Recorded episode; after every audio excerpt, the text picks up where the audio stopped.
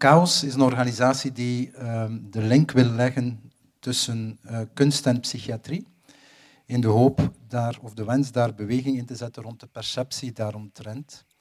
Uh, en zij ontwikkelen kunstprojecten voor kunstenaars met of zonder psychische kwetsbaarheid, als ook kunstresidenties in het hart van hun werking. En vanavond brengen ze teksten van auteurs. En ze hebben, de auteurs hebben ervoor gekozen om niet op het podium te komen, maar die teksten worden dus heel mooi neergeschreven. En als ik het goed verstaan heb, dan mogen die ook nog wat blijven staan, ook na dit evenement.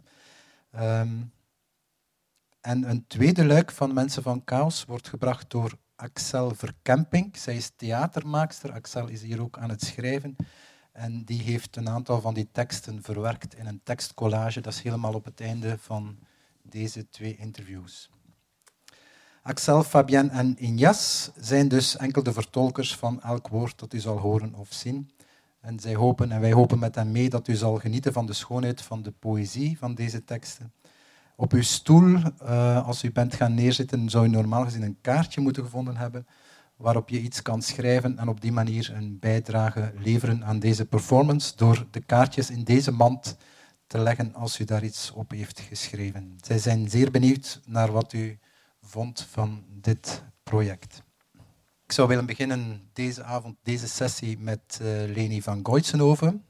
Zij is verbonden aan de Universiteit van Antwerpen, aan de Universiteit van uh, Leuven, Katholieke Universiteit van Leuven. En zij, haar onderzoek, zij is onderzoekster, focust zich op het belang van verbeelding en ervaringsverhalen van mensen met een beperking. Um, zij werkt heel veel en heel graag interdisciplinair samen. Uh, zij is heel geïnteresseerd ook in de relatie tussen literatuur en psychiatrie. En de titel van haar boek, wat je ook helemaal vooraan kan zien en kan kopen, ook nog straks, de titel van haar boek is uh, Ongehoord. En de ondertitel is over kleine interacties wanneer woorden niet vanzelfsprekend zijn. Um, ik heb in het eerste deel aangekondigd dat we vanuit um, deze, onze organisatie en ook vanuit uh, alles wat we willen doen rond GGZ heel erg bezig zijn met verbinding, met contact leggen en dat de vier schrijvers op een of andere manier daar toch wel een, een thema van hebben van um, het belang van verbinding in de hulpverlening. En hoe leg je dan verbinding met mensen waarbij het toch wel niet zo gemakkelijk is om verbinding mee te leggen, is wat het onderwerp van dit boek. Leni, ik zou zeggen, kom erbij. Jij vertrekt in alles wat je doet, denk ik. Ik heb jouw tekst. Er zijn, er zijn heel veel teksten. Eentje daarvan uh, gaat over Helene over een uh, vrouw die heel moeilijk bereikbaar is. En je kiest ervoor om niet te vertrekken vanuit wat niet lukt, maar te gaan kijken hoe je in ontmoeting mogelijkheden kan vinden waardoor een verhaal ontstaat, denk ik. Ja. Um, het verhaal over Helene is één hoofdstuk hè, uit het boek. Er komen heel veel mensen aan bod. Is zeker niet dat ik volledig zelf heb geschreven. Het verhaal van Helene, um, dat is een jonge vrouw ondertussen. Ze is 20 jaar. Toen ik haar ontmoette was ze 18 of 17. Um, ehm, en ze wordt heel veel benaderd vanuit wat ze niet kan. Ze kan niet spreken. Dat is een eerste punt. Ze kan ook niet schrijven, maar ze verstaat wel taal. Ze volgt een, uh, een opleiding in het secundair onderwijs. Ze zit nu in het vijfde middelbaar ASO. Um, maar door allerlei omstandigheden wordt zij heel vaak benaderd als een kind van 12 met een verstandelijke beperking die niet kan praten. Um, dat, dat, is eigenlijk het globale beeld dat de eerste, als je haar de eerste keer ontmoet, dat dat op haar wordt geplakt. Uh, ik heb haar anders leren kennen. Ik heb haar leren kennen in de zin dat zij... Ik had workshops orga, georganiseerd met een Finse choreografe, waarin dat we sowieso op zoek waren naar mensen die om welke reden dan ook anders, moeilijk of niet praten. En Helene had daar eigenlijk aangemeld. En zij kwam binnen um, met een heleboel helikopters in haar hand. Dus zij gaf mij al iets voordat we nog maar begonnen waren. En ik was evenzeer geïnteresseerd in die helikopters, waardoor dat de rest wel aan de achtergrond vervaagde. En wij beginnen eigenlijk aan een, aan een workshopreeks. Um, pas op, dat was niet altijd eenvoudig, want ze is Het is een vrouw die koppig is en als ze niet mee wilt, dan wil ze niet mee. Maar wij waren bezig met die voorwerpen die ze mee had en waarom vindt ze dat interessant? En die, kop, die helikopters, hè, die, dat draait, maar ons statief waar onze camera op stond, dat draait ook weliswaar als je het omgekeerd zet. Begint dat ook te draaien. Dus die camera die vloog eraf, dat statief begon om, moest omgekeerd zijn en we moesten dat draaien en filmen. En dat is eigenlijk het soort van interacties die ik had met Helene. Um, en wat hebben wij dan geprobeerd, is eigenlijk situaties te creëren waar ik Helene kon zien in, op manieren waar dat zij mij kon tonen hoe zij in het leven stond. En dat was mijn focus. Hè. Inderdaad, heel uitdrukkelijk kiezen van niet kiezen van zij kan niet praten. Hm, waar zit haar stem dan wel en hoe kan ik die horen? Ja. Dat was de insteek. Okay. Jouw boek begint eigenlijk uh, met een Nigeriaanse schrijfster mhm. die uh, kritiek geeft op het enkele verhaal, op het uh, verhaal dat over mensen, een dominant verhaal dat over mensen bestaat, waardoor andere verhalen minder aan bod kunnen komen. Ja. En jij legt er nog een laag bovenop door te zeggen van er bestaat ook een enkel verhaal over het verhaal zelf. En waardoor dat je het verhaal wil gaan uitsplitsen naar andere mogelijkheden of naar andere vormen van verhaal. Eh. Meerdere vormen van expressie mogelijk maken. Hè.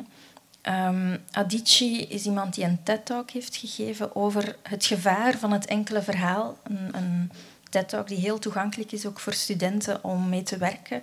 Wat is het, het gevaar van het enkele verhaal over mensen, over culturen of op de wereld? Um, zelf geeft ze het voorbeeld van, ik was als Nigeriaans meisje, kreeg ik boeken in mijn handen en ik las over blonde meisjes met blauwe ogen die in de sneeuw speelden. Ja, wauw, ze kon daar zich van alles bij voorstellen, maar voor haar was dat literatuur. En ze kon zich niet voorstellen dat zwarte mensen ook wel onderdeel mochten zijn van een verhaal. En zo gaat ze eigenlijk doorheen haar jeugd en geeft ze wel meerdere voorbeelden. En haar punt is, ja, dat, dat zijn stereotypen. En stereotypen zijn niet zozeer onjuist, maar ze zijn vooral onvolledig. Nu, dat gevaar van een enkel verhaal bestaat inderdaad ook over verhaal. In literatuur, in kunst mag er geëxperimenteerd worden met verhaalconventies, maar hoe dat wij vertellen, zelfs hoe dat wij hier nu zitten, of vertellen over uzelf, dat heeft heel veel normen. En die normen zijn gevaarlijk voor mensen die eigenlijk anders spreken of moeilijker praten. Je wordt eigenlijk alleen maar ernstig genomen als je een lineair verhaal kunt vertellen met begin, midden, einde. einde en een thematische coherentie. Kan je dat niet...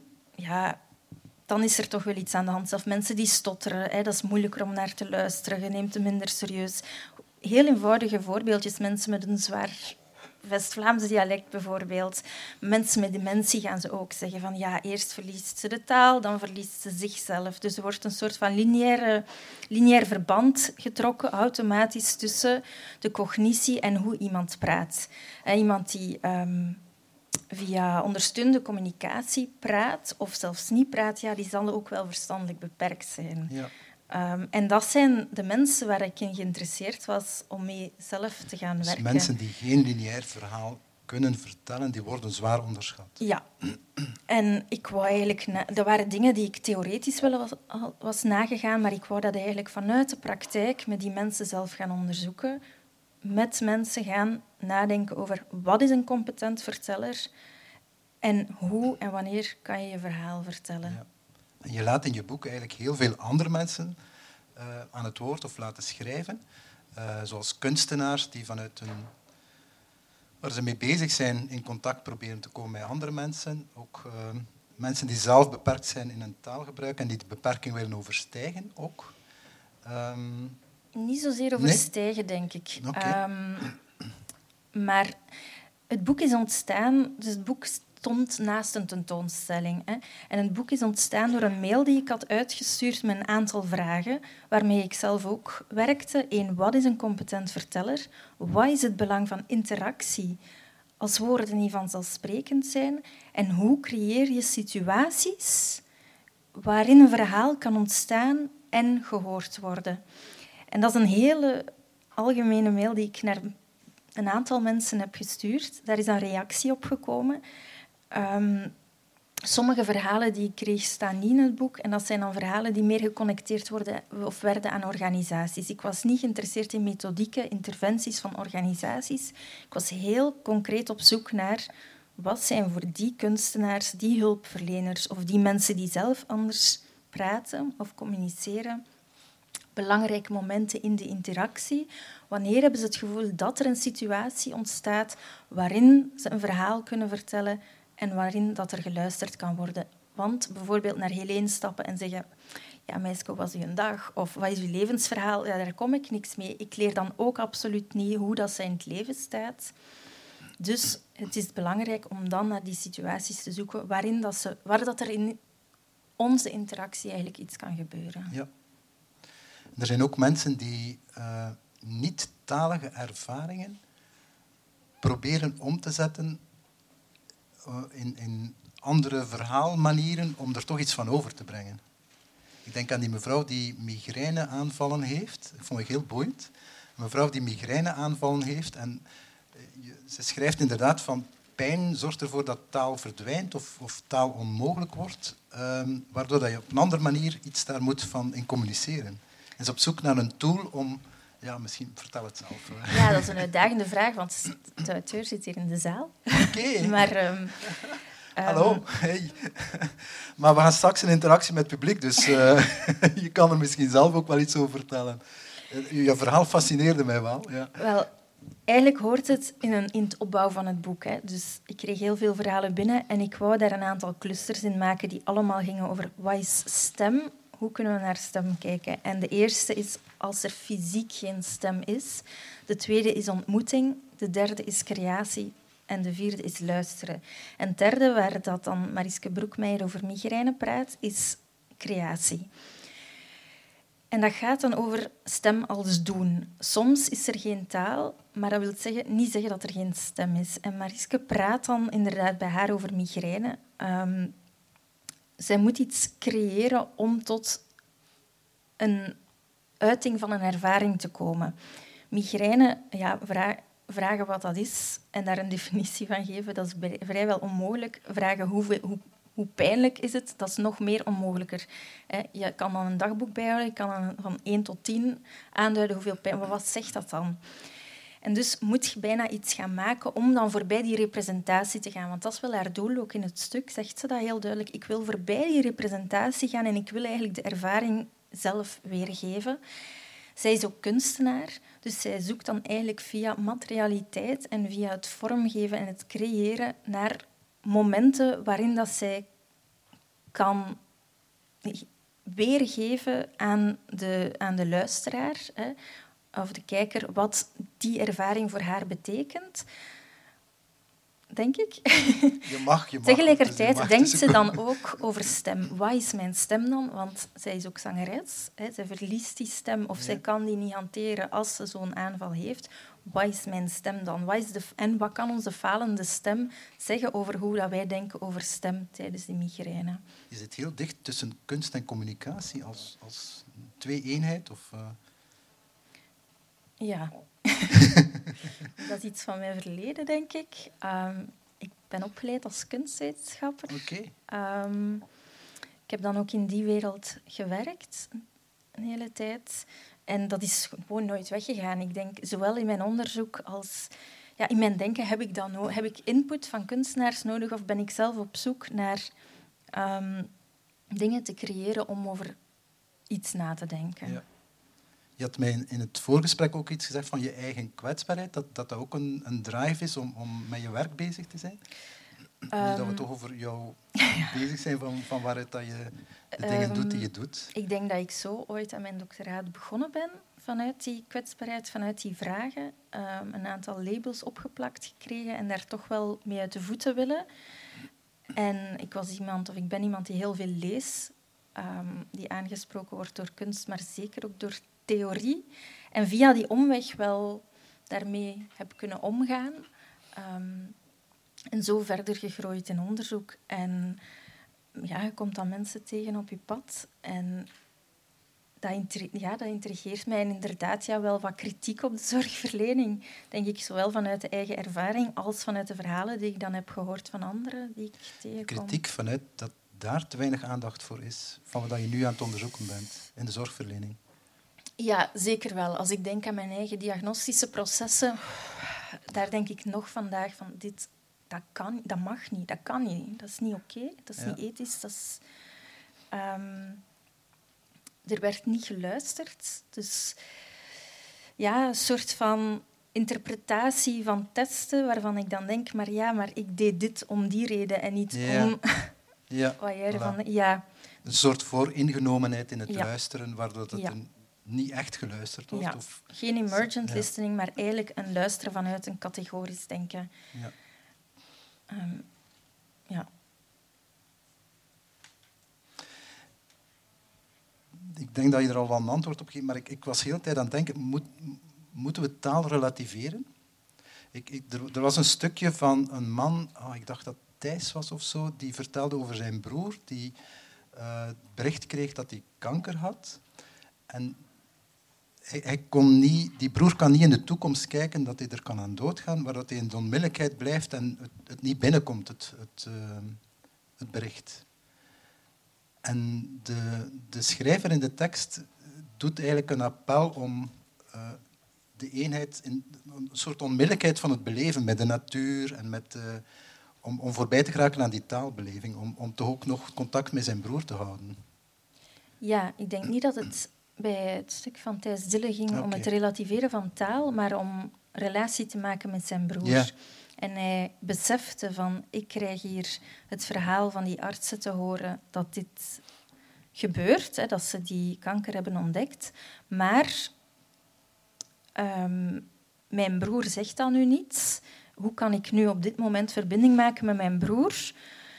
Terwijl ik dit nieuws krijg, eh, dat hij ook het nieuws krijgt, maar dat het op een andere manier interpreteert. En dat het ja, dat niet, die vraag van taal of zo begrijp ik dat toch niet bij, bij hem. Ehm, maar dat hij op dat moment zoekt van wat is nu de beste manier om met mijn broer... met taal zo het idee dat we talige wezens zijn en door taal ook kunnen vooruitkijken in de toekomst en kunnen terugkijken in de geschiedenis van wat we hebben meegemaakt. En dat bij iemand met een mentale handicap dat dat onmogelijk is. Ehm, of moeilijker is. Of, en dat je daar moet kunnen aan voorbij gaan en toch dat contact behouden. Uh. Oh, daar durf ik geen uitspraak over nee. of dat dat onmogelijk is. Um, Oké. Ehm, ik denk dat mensen sowieso wel dingen meedragen. Als er iets is gebeurd, ja, gaan ze dat meedragen. Ja. Um, maar het belang in dat verhaal ook van de broer die zijn broer zag, was veel belangrijker. Ja. En dan is het Juist is het van belang dat je inzet op wat is nu het belangrijkste voor mijn broer. Ik probeer uit te leggen wat er aan de hand is. Of dat ik mijn broer zie na tien dagen kamp. Hè, want ze hadden elkaar tien dagen niet gezien. Dus het belangrijkste is dat terugzien en daarop inpluggen. Ja. En dat andere kan wel komen. Ja, oké. Ehm, je, er zijn twee verhalen bij Sophie de Schrijver en bij Irakli waar, waar het gaat over brugfiguren en ondersteuners. Uh, misschien kun je daar iets over zeggen, want dat, dat, lijkt een, vrij moeilijke en paradoxale manier om, om je, je, je bent stem voor iemand anders of je helpt iemand anders. Dat is een vrij ingewikkelde positie. Ja, dat is iets dat ik thematisch heel veel heb aangehaald. Wat is stem geven? Ik vind dat een heel dubieuze zinsnede met heel veel machtsmechanismen in. Dus ik probeer dat wel te problematiseren zonder dat ik die macht moet ontkennen. Maar inderdaad, in het stuk van... Ik vind nog meer in het stuk van Sophie. Uh, Sophie is een jonge vrouw um, die niet spreekt, ook niet kan bewegen. Um, wel aan de UGent wijsbegeerte studeert, bijvoorbeeld, maar altijd met een ondersteuner naast. En haar bijdrage in het boek ziet eruit in die zin dat zij um, via gefaciliteerde communicatie, een communicatieboek. Ze kan wel kijken naar kijkrichtingen en zo komt ze tot het woordje ik. En eigenlijk grafisch is dat vormgegeven dat de lezer meegaat in de traagheid om tot dat woordje ik te komen. En dan hebben we de tekst. En, de tekst ontstaat eigenlijk of is ontstaan door een interview van mij met Sophie, maar ook met een mama, um, drie ondersteuners en de logopedist. Maar in die tekst ga ik niet aanduiden, of is niet aangeduid wie wanneer spreekt. Het is wel wat visueel vormgegeven, um, maar niet om een persoon aan te duiden, omdat precies Sophie, haar stem ontstaat in de verstrengeling van die ondersteuning en, en, en uh, stemmen. Um, dat gaat dan niet over stem geven, maar op inzetten op interafhankelijkheid. Je um, leiden volgen? Leiden volgen, ja. ja. Misschien kan je daar iets over vertellen. Het is een term van Erin Manning. Erin Manning, ja, dat is een filosoof. Leiden volgen is een, uh, een term die zij initieel heeft geconceptualiseerd vanuit de danstheorie.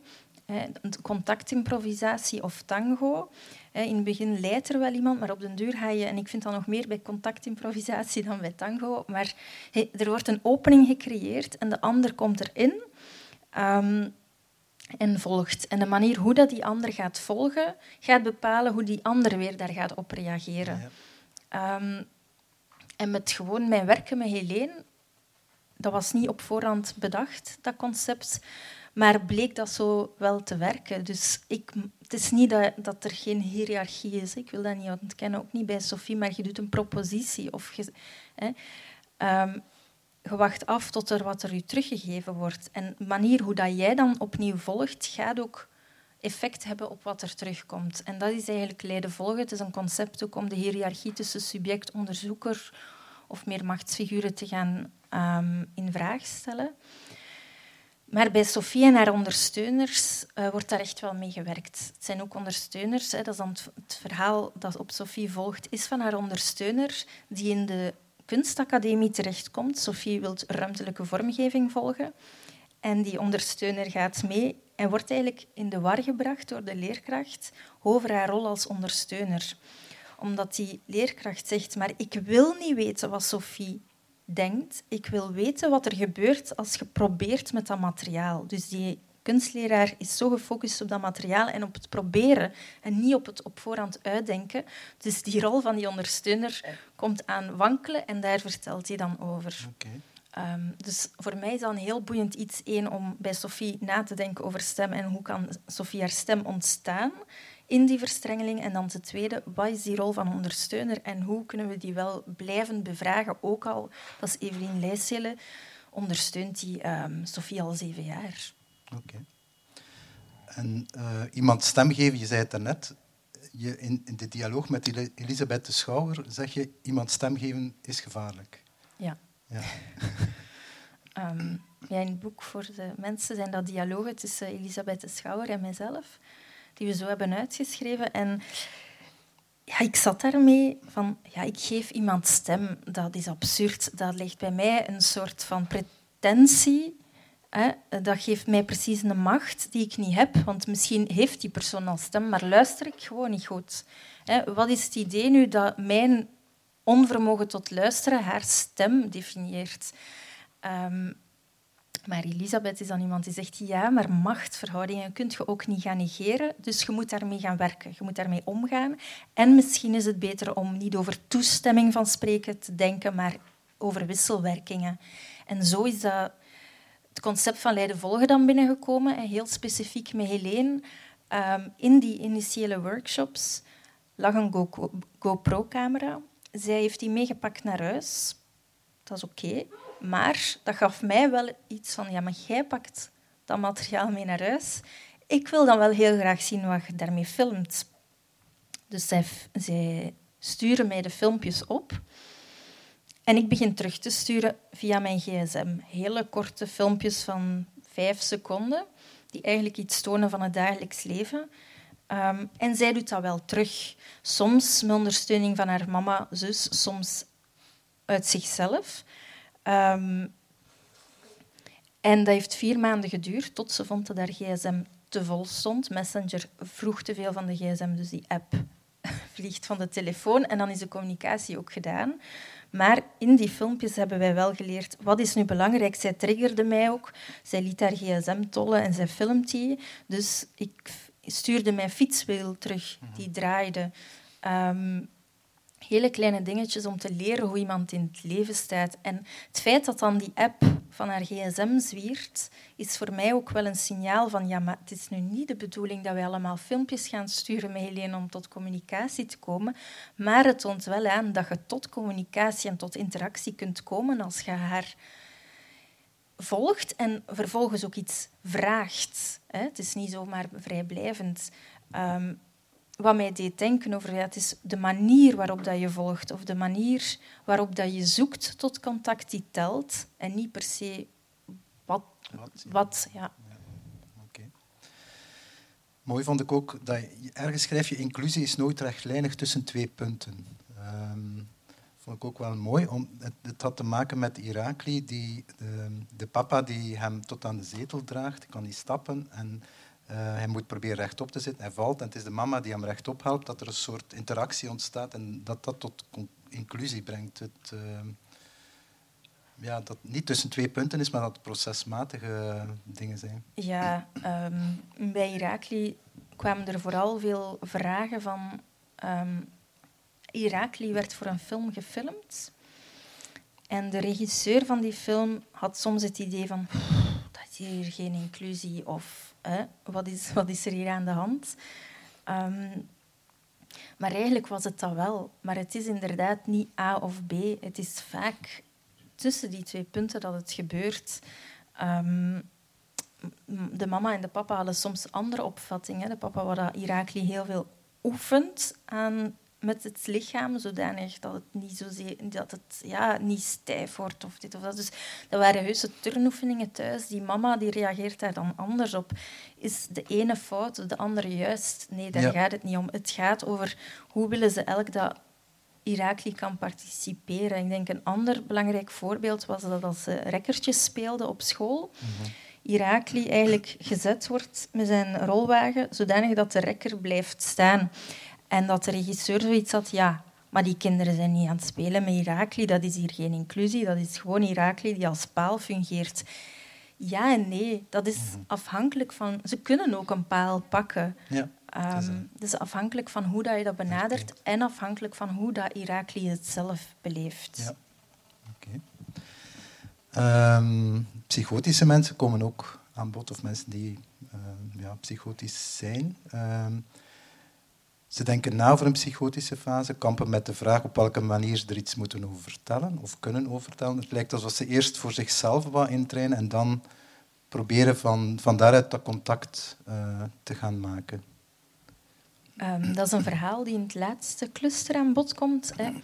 Dat is een verhaal over luisteren. En ik vond dat heel belangrijk om zowel de bijdrage dan denk dat hij zit, van Erik Thijs daarin te zetten, als van um, Pieter Verstraeten. Hè professoren eigenlijk, die het ook hebben over hoe kan een stem mij lichamelijk raken, hoe kan ik meer luisteren dan met mijn oren, maar ook met mijn lichaam, om dan iemand die daar zo letterlijk over spreekt, daar ook naast te zetten. Maar ja, hij, heeft natuurlijk, hij is geen professor, dus maar daarin die, in die, dus de rangschikking van die verhalen doet er wel toe voor mij.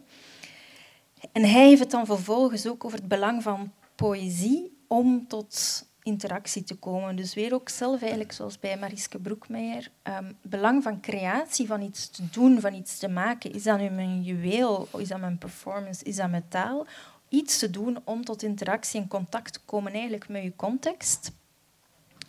En bij Piet is dat ja, eerst het schrijven van poëzie voor zichzelf, om, om wat structuur te krijgen, maar achteraf ook poëzie naar de buitenwereld, naar vrienden. Um, en uiteindelijk ook gaan optreden om over zijn ervaringen te vertellen, maar ook niet alleen over zijn psychotische ervaringen, die hij nu benoemt als dat ligt achter mij, maar ook over zijn dagelijks leven nog. Okay.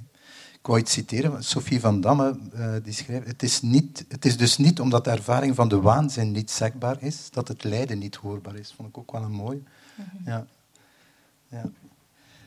Um, wat mij ook, de, de stand-up dichter Gary Glasner van het Alzheimer's Poetry Project was ook wel interessant, vond ik, omdat hij net wel taal gebruikt bij mensen die dement zijn. Iets wat meestal niet gebeurt met muziek en snoezelen. En uh, daar wel taal gaat gebruiken. Wel. Ja, maar geen taal om proberen dat brein te manipuleren of geen talen om proberen terug te gaan in de geschiedenis, taal inzetten als spelelement. Ja. En dat is wel een andere benadering. Ehm, dus poëzie gaan reciteren met gebaren en ehm, ja, de woorden gaan nazeggen en gaan naklappen. En dan is eigenlijk zowel de poëzie als het samen zijn heel belangrijk. En dan ook gedichten gaan maken uh, samen. Maar zonder na te denken over een therapeutisch traject of over een, een, een herinnering die moet terugkomen. Ja, oké. Ik had bij het lezen ook wel heel veel het gevoel dat de teksten uh, ervoor zorgen dat mensen een stuk van hun waardigheid ook wel terugkrijgen. En, uh, door de beschrijvingen van de teksten ook wel. Ik hoop het. Ja. um, ik heb daar wel mee geworsteld. Mee geworsteld? Oh ja, er zijn toch een aantal ook bijdragen op basis van een interview. Hè, Bij Bjorn bijvoorbeeld, over uh, Bjorn Vereken, over dansen. Um, ja, in hoever neem ik over? Wanneer moet ik stoppen? Dan dacht ik, ja, zo op de toppen van mijn tenen lopen, als ik een tekst schrijf en ik stuur dat op naar een redacteur, krijg ik ook nogal wat terug. Um, ja. Wanneer wordt een tekst het beste van zichzelf? Wat is dat beste van zichzelf in een boek dat normen over verhalen in vraag stelt? Dus ja, die vragen kwamen wel dikwijls op mij af. Um, maar dan is het een kwestie van tijd nemen, wat heel vaak niet kan. Um, maar ik kon dat in dit boek wel nemen. Tijd nemen, checken, dubbelchecken en nog eens driedubbel checken. Is die zin oké? Is die volgorde oké? Wat als we het omgekeerd... Om, want ja, je kunt dan ja en ja krijgen, maar als ik het dan draai, is dit beter of niet? Zo op die manier um, checken. Maar het is mooi hoe dat je daar wil mee worstelen eigenlijk en uh, je eigen inbreng probeert te evalueren naar, naar het contact met de ander toe telkens weer. Ja. Maar ik vond dat belangrijk, want bij, ik heb een nummer met een aantal andere vormgegeven aan recto verso over um, toegankelijkheid in de kunsten. En daar konden we dat niet doen. En dat heeft echt tot spanningen ge okay. geleden. Ja. Aha. Die tijdsdruk was er. Dat is een, een, tijdschrift die op dat moment daar moet liggen. Hè. En ja, naar toegankelijkheid toe vind ik dat dan niet, niet zo toegankelijk. Oké. Ik ga nog één citaat en dan uh, het interview stoppen en misschien dat we dan toch nog uit de zaal wat reacties kunnen krijgen. Uh, het gaat er over niet steeds de ingang te kiezen over wat iemand niet kan, zoals bijvoorbeeld spreken, maar van wat er wel kan. Soms is dat zoeken naar een speld in een hooiberg, maar zoeken, zoeken en blijven zoeken maakt voor mensen wel het verschil. Ik denk dat dit echt jouw boek wel samenvat ook, denk ik. Uh, ja. Zijn er mensen die willen reageren, die willen vragen stellen? Ja, Nadja.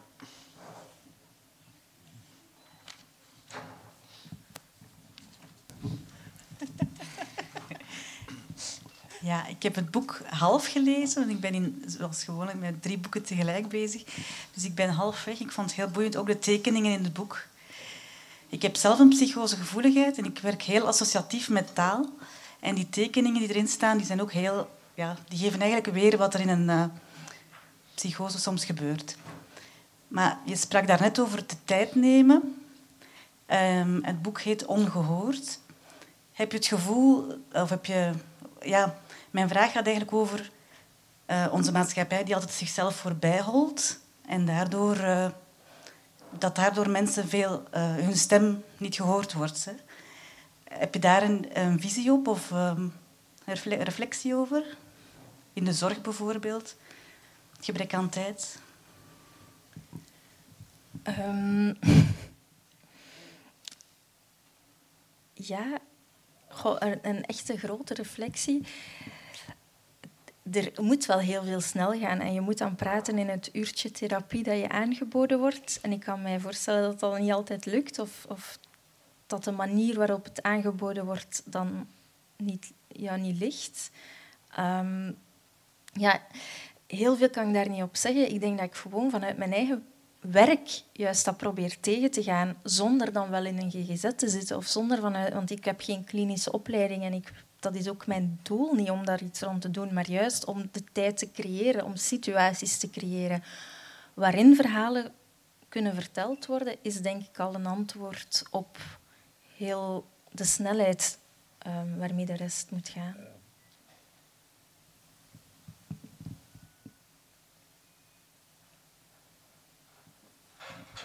Mark? Ja, uh, ik heb het boek niet half gelezen, ik heb het nog niet gelezen.